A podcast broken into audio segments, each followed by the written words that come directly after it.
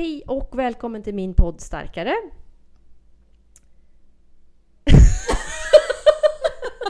På tal om att kunna... Eh, och så tänkte jag läsa Nu går jag! Nej, Du ska stanna. jag ska stanna. Men det här avsnittet heter Nu går jag! Eh, Ett avsnitt om att bryta sig loss från våld. Och då kan ni ju gissa vem jag har med mig som gäst. Det är ju Frida Walter igen, såklart. Och du är ju min definition på starkare.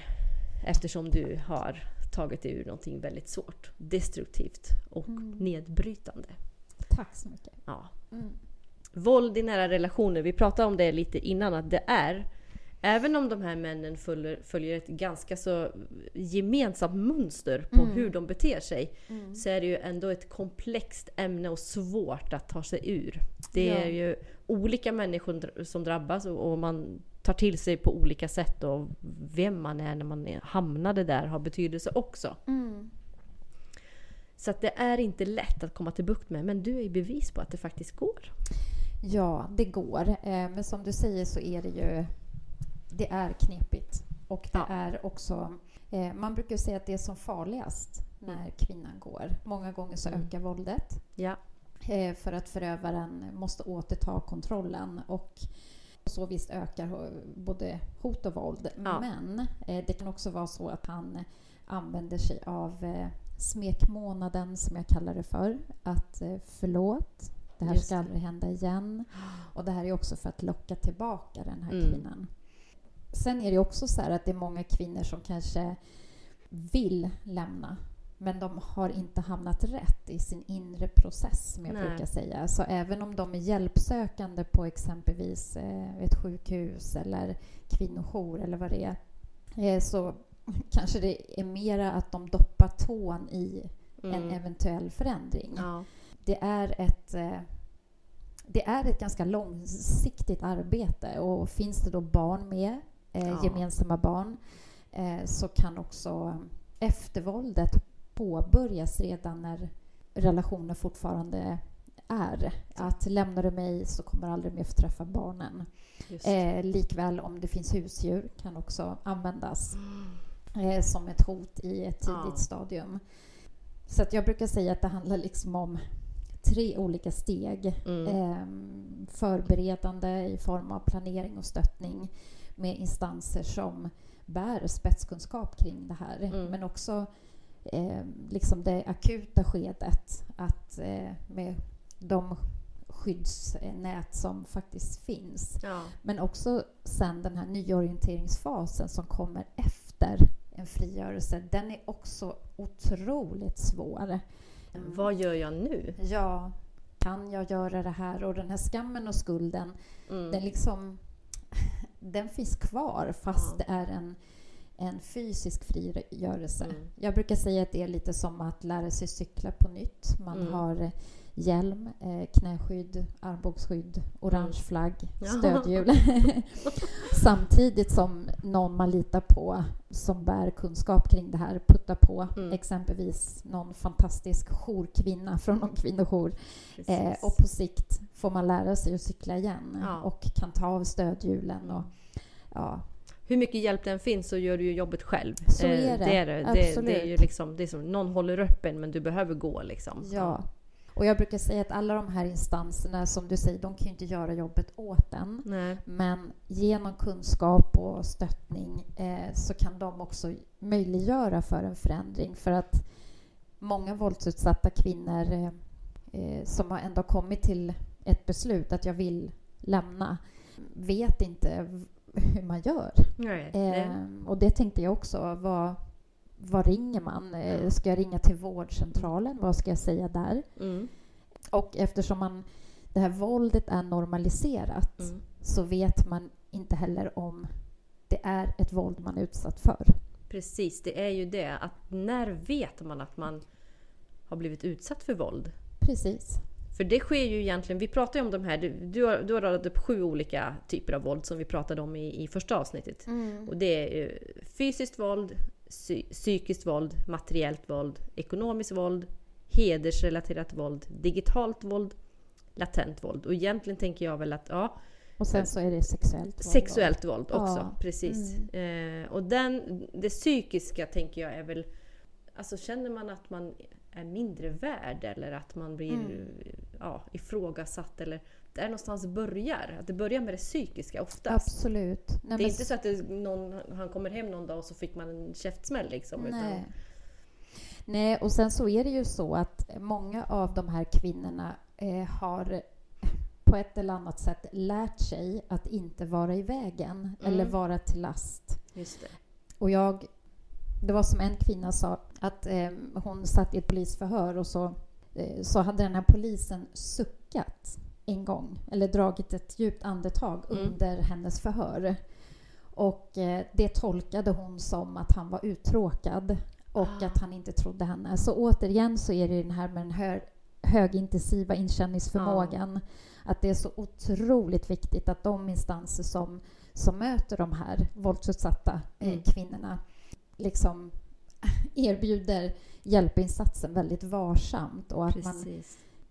Jag det- hade nog tolkat, hade jag suttit där utanför så hade jag nog säkert tolkat det som att han suckade för att han tycker att det är tragiskt att höra på att Ja. det finns att det var en, en, en suck som var på hennes sida om man säger. ja, ja, och det Ja. var det ju Ja, säkerligen. Såklart. Ja. Eh, men, ehm, eh, och det är just den här liksom att eh, kanske söka hjälp på, inom sjukvården, Ja. att eh, de liksom inte lägger fram sina problem ordentligt utan det, de kanske om jag har lite ont i magen. Mm. Okej, jag har ont i magen. Och det är också det här när, eh, när jag utbildar eh, sjukvårdspersonal så Mm. brukar jag prata om att det är så viktigt att eh, fokusera på helhetsperspektivet Mm. och multitrauma. Eh, för alla de här eh, uttrycken av våld som vi har pratat om, eh, många gånger så är de här kvinnorna utsatta för, för allt det. Eh, Ja. Så det är därför jag benämner det som multitrauma. Ja. Eh, det handlar sällan bara, förstå mig rätt, bara Mm. om psykisk misshandel eller, utan oftast är det Alla. alla Ja. delar eh, mer eller mindre. Mm. Och sen är det ju att många av de här relationerna går lite som i skov. Som en kvinna sa, han är så underbar när han inte slår mig. Vilket också kan skapa skuld och skam. Hur kan jag älska en person som brukar våld Mm. mot mig? För det ska man inte glömma heller att de här kvinnorna är ju förälskade i de här männen. Det är därför de är här. Exakt. Och det är, och Mm. oftast är det en ganska, började ganska starkt för de är bra på att manipulera och berätta hur bra de är. Eller? Ja, men precis. Nej, men så är det. Ja. Och sen, det är ju också en, eh, en personlig resa. Att Mm. vad får den här kärleken kosta mig? Hur Ja. ont får den göra? Och det kan ju också vara ett beslut som kan också eller beslut, nej men själva den frigörelseprocessen kan ju göra att det liksom blir utdraget på grund Ja. av att det finns kärlek. Eh, att det kanske går att lösa, men Mm. nu, nu har han ju ändå förstått. Nu visar han lite insikt. Mm, Eh, mm, Men nästa gång så rättfärdigar han våldet ändå. precis. Ja. Kan det finnas någon idé? Jag förstår ju att om man hamnar i en situation där det blir rent våldsmässigt så farligt att man måste springa så gör man ju det. Då väntar man ju såklart inte om det är fara för mitt liv direkt. Mm. Men är det idé att försöka liksom lägga upp en plan, planera? Ska man ringa? Om jag bestämmer Mm. mig, jag är på botten men jag känner att det, det går inte. Nej. Ska jag ringa till kvinnojouren eller var ska jag Mm. och få hjälp att planera det här på något bra sätt så att man inte bara nu drar jag och så. Precis. Eh, det finns ju, jag brukar säga just att lämna en destruktiv relation, det jämför jag ganska mycket med eh, människor som ska bli fria från alkohol och Mm. narkotika. Det är lite samma sak. Man måste tända av, det vill säga tända av från förövaren. Ja. Avprogrammera hjärnan för att omprogrammera med nya kognitiva banor. Mm. Eh, avväpna hot och varningssystemet. Amygdala i hjärnan, som Mm. är vårt hotsystem, är oftast eh, extremt triggat. Ömsa skinn för att sen skaffa sin egen kostym. Det. Och det ingår återfall, det vill säga att kvinnan går tillbaks. det är Det, så. det är väldigt, väldigt vanligt. Och det här är också någonting som eh, många kvinnor kommer till mig och sa ja men Frida nu har jag, jag gått tillbaks igen, vilket nederlag, vilken Mm. eh, katastrof. Och då brukar jag säga att nej, det är ett framsteg för att du tränar på att ta steget. Mm. Sen givetvis, alltså det bästa är att inte gå tillbaka. lämnar. ja. Men om man skulle se det som nederlag så hjälper ju inte det. Utan Nej. nu är det ju som det är Ja. och det är inget konstigt i nästa det. gång de lämnar, ja men då kanske det tar dubbelt så lång tid innan hon går tillbaka. Ja. Eh, men precis som du säger så är det ju superviktigt med planering. Mm. Eh, vart ska jag gå? Hur omfattande är det här hotet? Är Mm. det, riktas det även till eh, familjemedlemmar? Har man husdjur? Eh, då kanske man måste koppla in VOV som Ja. är en organisation Oj. som hjälper till med skyddade boende för djur. Och Eh, finns det sånt också? Ja, Mm. de är fantastiska. Ah. Eh, polis och veterinärer jobbar ganska nära dem. Mm. Och där kan man ju också då minimera det här eftervåldet. Där förövaren exempelvis hotar att kommer ni inte hem från kvinnojouren så dödar jag hunden exempelvis. Men är hunden eller husdjuret på en trygg plats så kan också exempelvis mamma och barn eh, vara mera tillfreds på det här det. eh, skyddade boendet. Men så att det kan ju se olika ut. Antingen att man kontaktar en kvinnojour själv eller att man pratar med någon Mm. eh, som man känner tillit för. Det ser ju så olika ut. Mm. Jag har varit med om kvinnor som har skrivit brev eh, och ber att någon ska få läsa. För jag läste ju i en av dina böcker så pratar du om att eh, det är väldigt många som polisanmäler men man kanske ska ha det, kan ju, det här, föröv, som du sa, förövare kan vara vem som helst. Det kan vara en person som sitter högt upp på ett stort företag eh, Mm. som är välkänd. Har stor, alltså, att de, de har större pålitlighet än vad jag har och att det skulle finnas en vinning för mig att sätta dit den här människan. Att man kanske, att de spelar på det också. Mm. Och då är det ingen som kommer tro på dig. Eh, Jag är Precis. större än vad du är. Ja, Kan det finnas bevis att man kan försöka spara grejer? Sånt som hot på sms eller... ja precis. Mm. Och det du nämner är väldigt, väldigt vanligt att de här förövarna säger att ja, men gå du och polisanmäl Mm. mig. För jag känner, jag umgås med alla inom tingsrätten och jag känner polisen. Så varsågod. Mm. Eh, men det är ju en skrämseltaktik såklart. Ja. Men sen är det ju superbra om man eh, kan spara mejl, sms, brev, Mm. eh, spela in på telefonen, mm, samtal. Och det som är bra om man eh, flyr någonstans, att man stänger av sin GPS på telefonen. Just det. Eh, nu finns det ju så mycket om man tänker Snapchat och allt vad Ja, det är. ja. Eh, just med barnen, Mm. att det finns de här Snapchat-kartorna och Mm. det är bra ibland. Det Men många är det gånger Ja. så kan det eh, vara förödande. Ja. Mm. ja, det finns ju. Har jag sett att det finns någon sån här integritets... Kan man stänga av allting på inställningar och sådana grejer? Att det går Precis. att göra. Och är det så att man har eh, kanske kläder där det finns eh, blod på eller någonting sånt Mm. där man tänker att det här kanske ehm, kan användas på något sätt, då ska man stoppa ner det i en pappåse Mm. och försluta den. Ja, Ehm, så, och spara och ta med till polisen. precis. Men det kan ju också finnas risk i att man sparar gamla sms och såna här Mm. grejer. Eh, och att, Precis, så att det vill ju till att man skyddar den informationen på något sätt. så är det. Mm. Och då, eh, ett sätt kan ju vara att man skickar Mm. eh, till en kompis eller en kollega och att man raderar. För det är ju väldigt, väldigt vanligt att de här förövarna går igenom eh, mejl, telefoner. De har ju stenkoll Ja. eh, på allting. Så Ja. det gäller att vara försiktig Mm. ehm, när man gör det här. För att skulle den här förövaren komma på att ehm, ja, den här kvinnan på något sätt har kontakt med någon eller sparar bevis eh, så finns det ju risk att hon, eh, hon utsätts för, för våld helt Just det. enkelt. Ja. Ja, då kan det bli än värre. Så det är viktigt. Exakt. Ja. Mm. Alltså det är hemska människor. Alltså, och att det är så Ja, pass det vanligt gör mig ju bedrövad. Ja, och många av de här männen är ju faktiskt eh, återfallsförbrytare. Ja. Att det, är, eh, det är ju inte helt ovanligt att våldsutsatta kvinnor när de har lämnat får kontakt med ex exempelvis. Just det. Eh, där det liksom är, det är bara samma historia som, som återupprepas helt enkelt. Ja. Mm. Och det är så sjukt att vi faktiskt skapar någon slags empati för de här ändå. På Mm. något sätt så gör man det. Empati på vilket sätt? Ja, men jag tänker att det är många som pratar om att de faktiskt får skuldkänslor när de ska lämna. För de tänker att vad ska han göra nu utan mig? Ja, du menar Ja. så. Ja, verkligen. Mm. Och det är en ganska viktig punkt därför att Mm.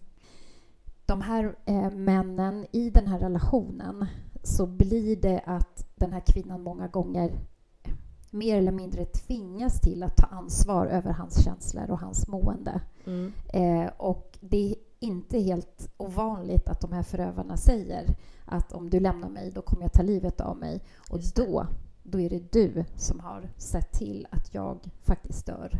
Ja. Så att även om de här kvinnorna har lämnat eh, och de är, är helt i liksom har någonstans försonat med sig själv och resonerat att det här vill jag Mm. eh, så kan det ändå bli liksom skuldkänslor, skam över att de har lämnat. Och vad Mm. händer med honom nu? Nu är ju han ensam för att jag tar ju inte hand om honom.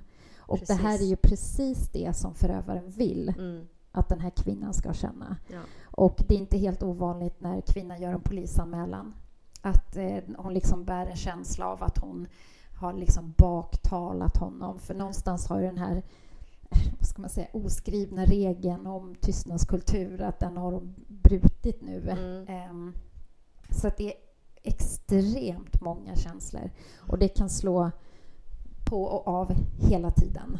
Ja, det är vanligt att kvinnor tar ansvar över eh, förövarens känslor. Ja. Men händer det att den här förövaren verkligen skadar sig själv? Hur långt kan de gå där tror du? Det vet jag inte, men däremot så vet jag att det har eh, att det liksom har ringts eller har filmats att Mm. nu eh, ska jag Ja. ta livet av mig. Mm. Eh, men jag vet inte liksom någon statistik eller Nej. något sånt. Men många gånger så är det just tomma hot. Ja, jag tänker, hade det Ja. varit vanligt så hade vi vetat det. Ja, Då hade vi Mm. nog, för det är också män det handlar om, så då hade det blivit stort. Ja. Precis. Äh, lite krasst, men Ja. lite så känns det. ja. Så att det får, jag tänker mer att får man sådana hot så ska man räkna med att det är inte sant. Det kommer inte hända. Du kommer Nej, inte och det, det kan man ju för sig aldrig veta, men jag Nej. tänker att oavsett så är det ju inte, eh, Det inte- kvinnan som bär ansvar Precis. över det Nej, på något sätt. nej, Nej. verkligen inte. Han får stå för sina egna handlingar, Ja. vad, vad de än må vara. Liksom. Ja, precis. Verkligen. Eh, men det är slående det här som vi pratade om att mönstret ser likadant ut hos alla. Du är inte ensam om det. Liksom. Nej. Även fast det känns så Det där gör och ju då. det. Ja, och jag Mm. tänker att hade jag hamnat, hade, hade jag inte träffat dig och pratat med, nu har jag pratat med många eh, som har haft egna såna personliga upplevelser och sånt, men då är det mycket fokus på vad hände Mm. med dem. Mm. Men när man tittar mer på hur ser mönstret ut liksom. Ja. Det är så likt så att det är skrämmande. ja, men Man det är undrar det. om de har en pakt som de, eller sekt som de... Ja. Men det är, jag tror att det, det beror väl på att det faktiskt är en psykisk sjukdom. Som, ja, nej men det är ju... Alltså, de använder ju sina egna redskap för att nå dit de vill nå. Mm.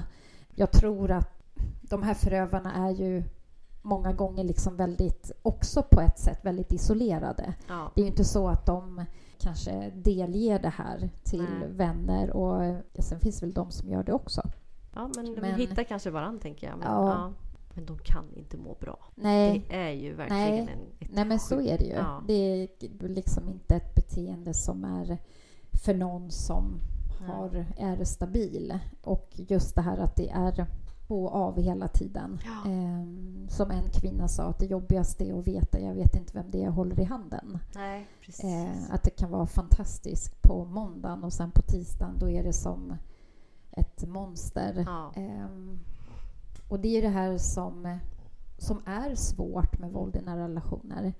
Eh, och att det är det finns ingen quick fix alls. Utan, eh, och även fast man har lämnat så är det ett extremt omfattande arbete att eh, hämta tillbaka sig själv, Mm. att möjliggöra för en läkningsprocess, eh, att eh, liksom se sig som okej och att man är värd lycka Ja. eh, och att våga möta kärleken igen. Mm. Och den här tillitsproblematiken som uppstår många gånger efter de här relationerna det speglar ju allt, alltså Ja. inte bara parrelationer utan det kan handla om kollegor eller... Eh, så att det är ju väldigt, väldigt vanligt med PTSD-diagnoser.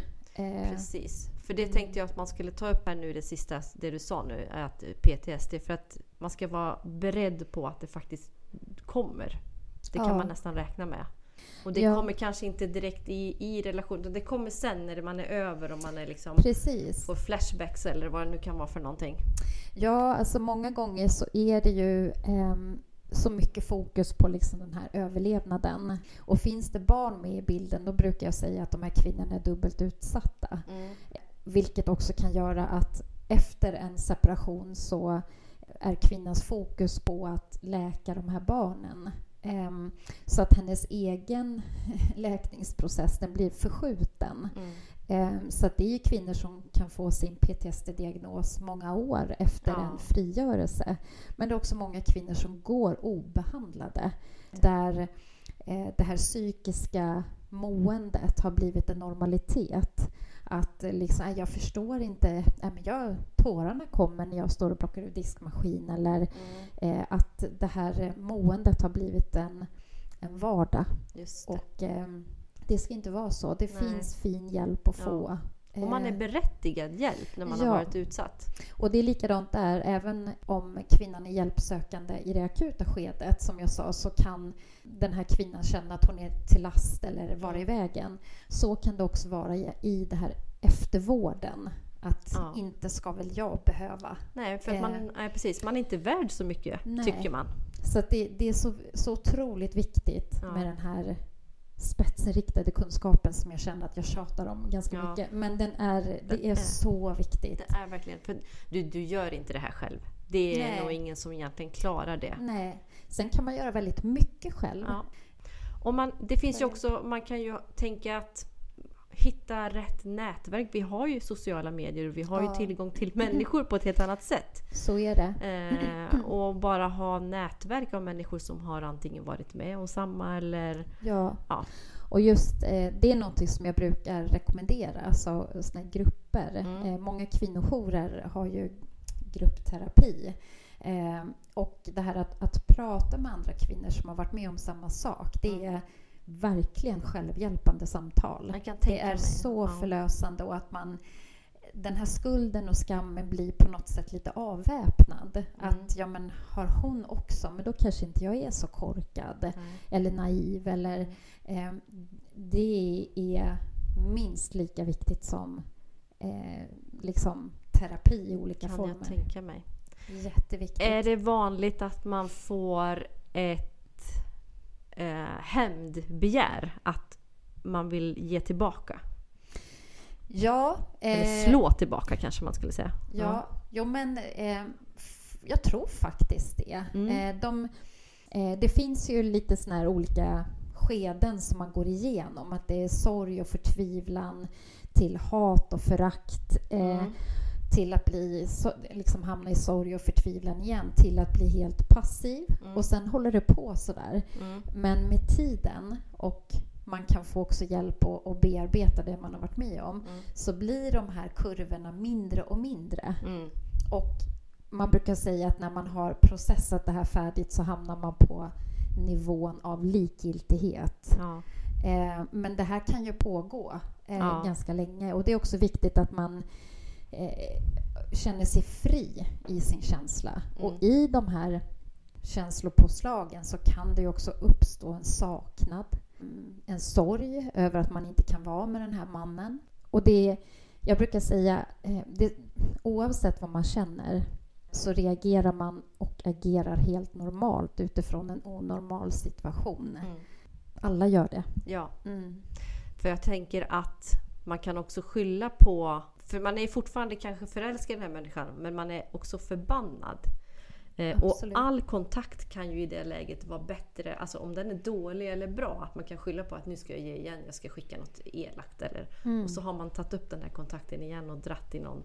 Fast man tänkte att haha, det fick han. Men man skyddar sig bakom att man ville egentligen slå till och så gör man. Ja, För det är väl viktigt att inte agera på de här, tänker jag, att ge tillbaka. För Ja, det ska man ju inte Nej, göra. det blir Eh, farligt liksom. ja. Men sen kan det också vara... Eh, för många gånger så är kvinnan minst lika beroende av förövaren. Fast Precis. de Kanske är mer. beroende på olika sätt. Ja. Eh, kvinnan, ja men som ordspråket, håll din fiende närmast. Mm. Eh, så att när det blir lugnt på telefonen, där förövaren slutar höra av sig, så är det inte ovanligt att kvinnan blir uppsökande mannen. Ja. Att knacka på igen, Mm. eh, bara för att höra var är han. Just det. Och så länge hon inte hör av honom så vet hon inte vad, vilken strategi hon ska använda. Eh, för de här, liksom, Hon har anpassat hela sitt liv efter verkligen. hans och då är det borta liksom. Ja, så att liksom bara det kan ju vara ett, liksom en, en punkt som Ja. den här kvinnan behöver bli tända av ifrån, Ja. som jag kallar det. Att eh, träna på att lägga bort telefonen, inte Mm. svara direkt när han skickar eller ehm, men så att eh, det är komplicerat Ja, och är man verkligen. behöver ta små, små steg. Kapa de här traumatiska banden Mm. eh, som är kopplade till den här förövaren. Och jag brukar säga att man inte ska kapa dem för fort utan med en slö kniv Mm, kapa dem. Ja. Samtidigt som kvinnan får kunskap och stöttning, planering, nätverk Mm, så att hon förstår varför hon kapar det här. Eh, för går det för fort så finns det också risk, eller större risk Ja. för ett återfall, att hon går tillbaka. Det är verkligen som beroende. Och samma sak om man ska sluta röka, att inte bara ta bort en vana utan då ersätter du den med någonting. Just det. Mm. Många som går med så här plastpinnar. Ja, precis. Exakt. Just att man tänker på vad ska jag göra istället om jag inte smsar eller Ja, ja, pratar. Vad man nu gör för någonting. Att man Ja. ersätter det med något.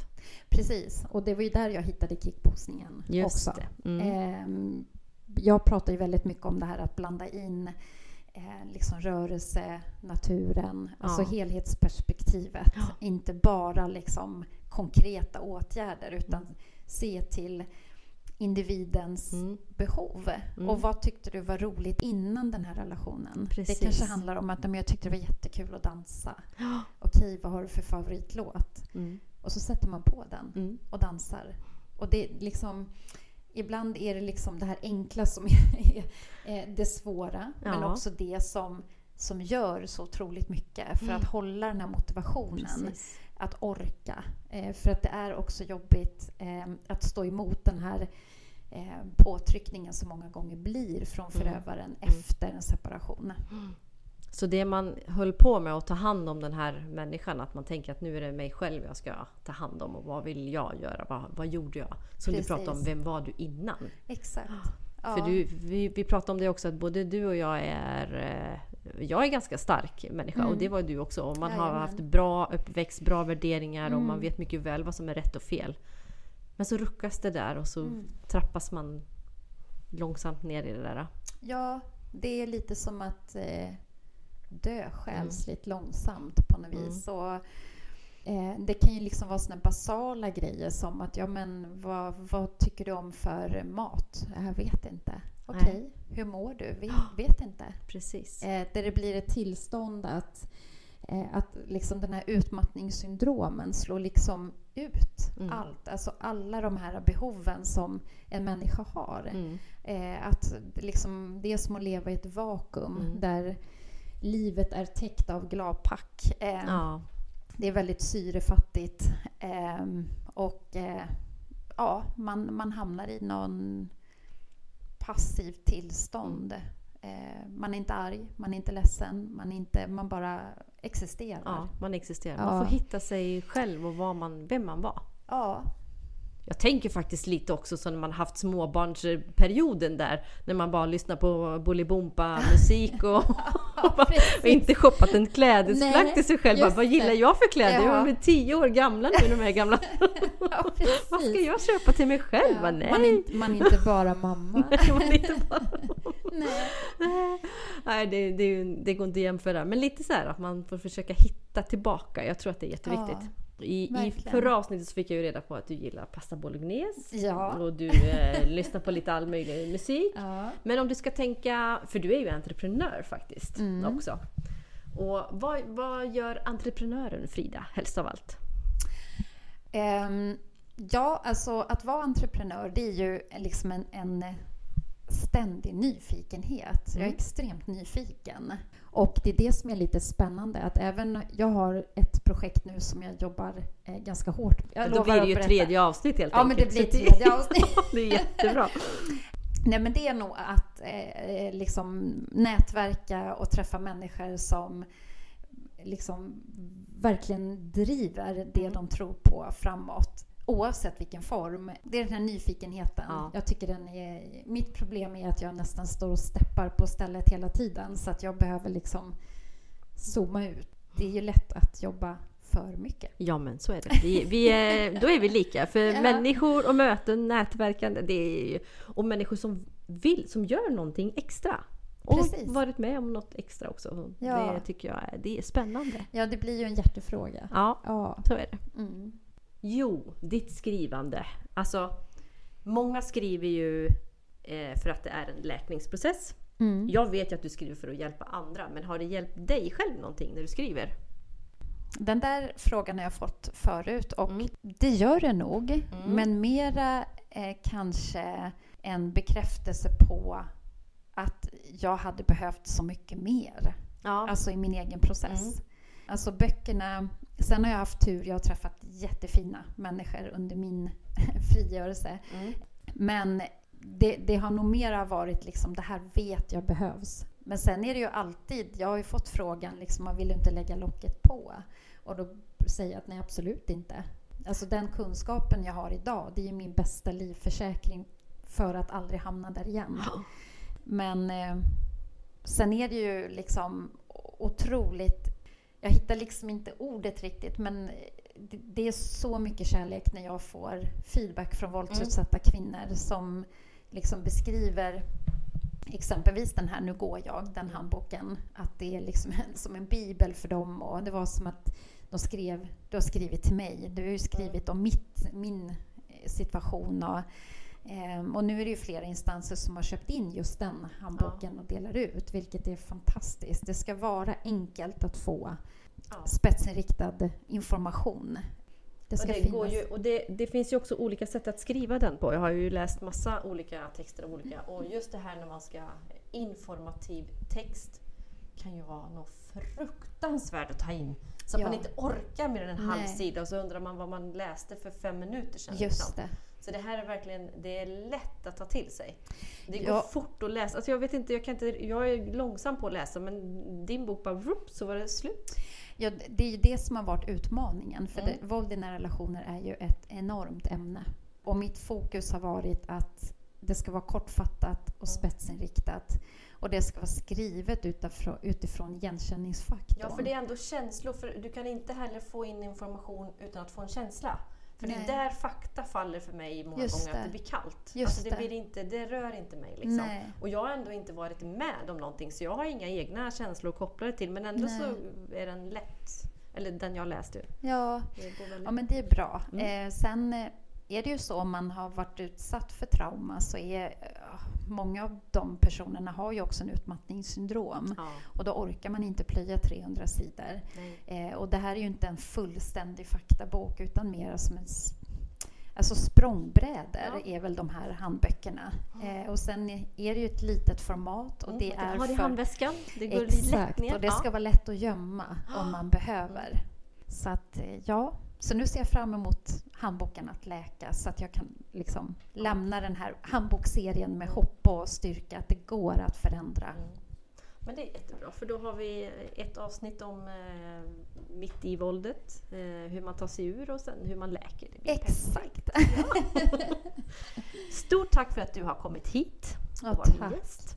Det var jättetrevligt. ja, jättefint. Tack snälla. Och till dig som lyssnat säger vi stort tack. Utan er är vi ingenting. Hej så länge! Hej då.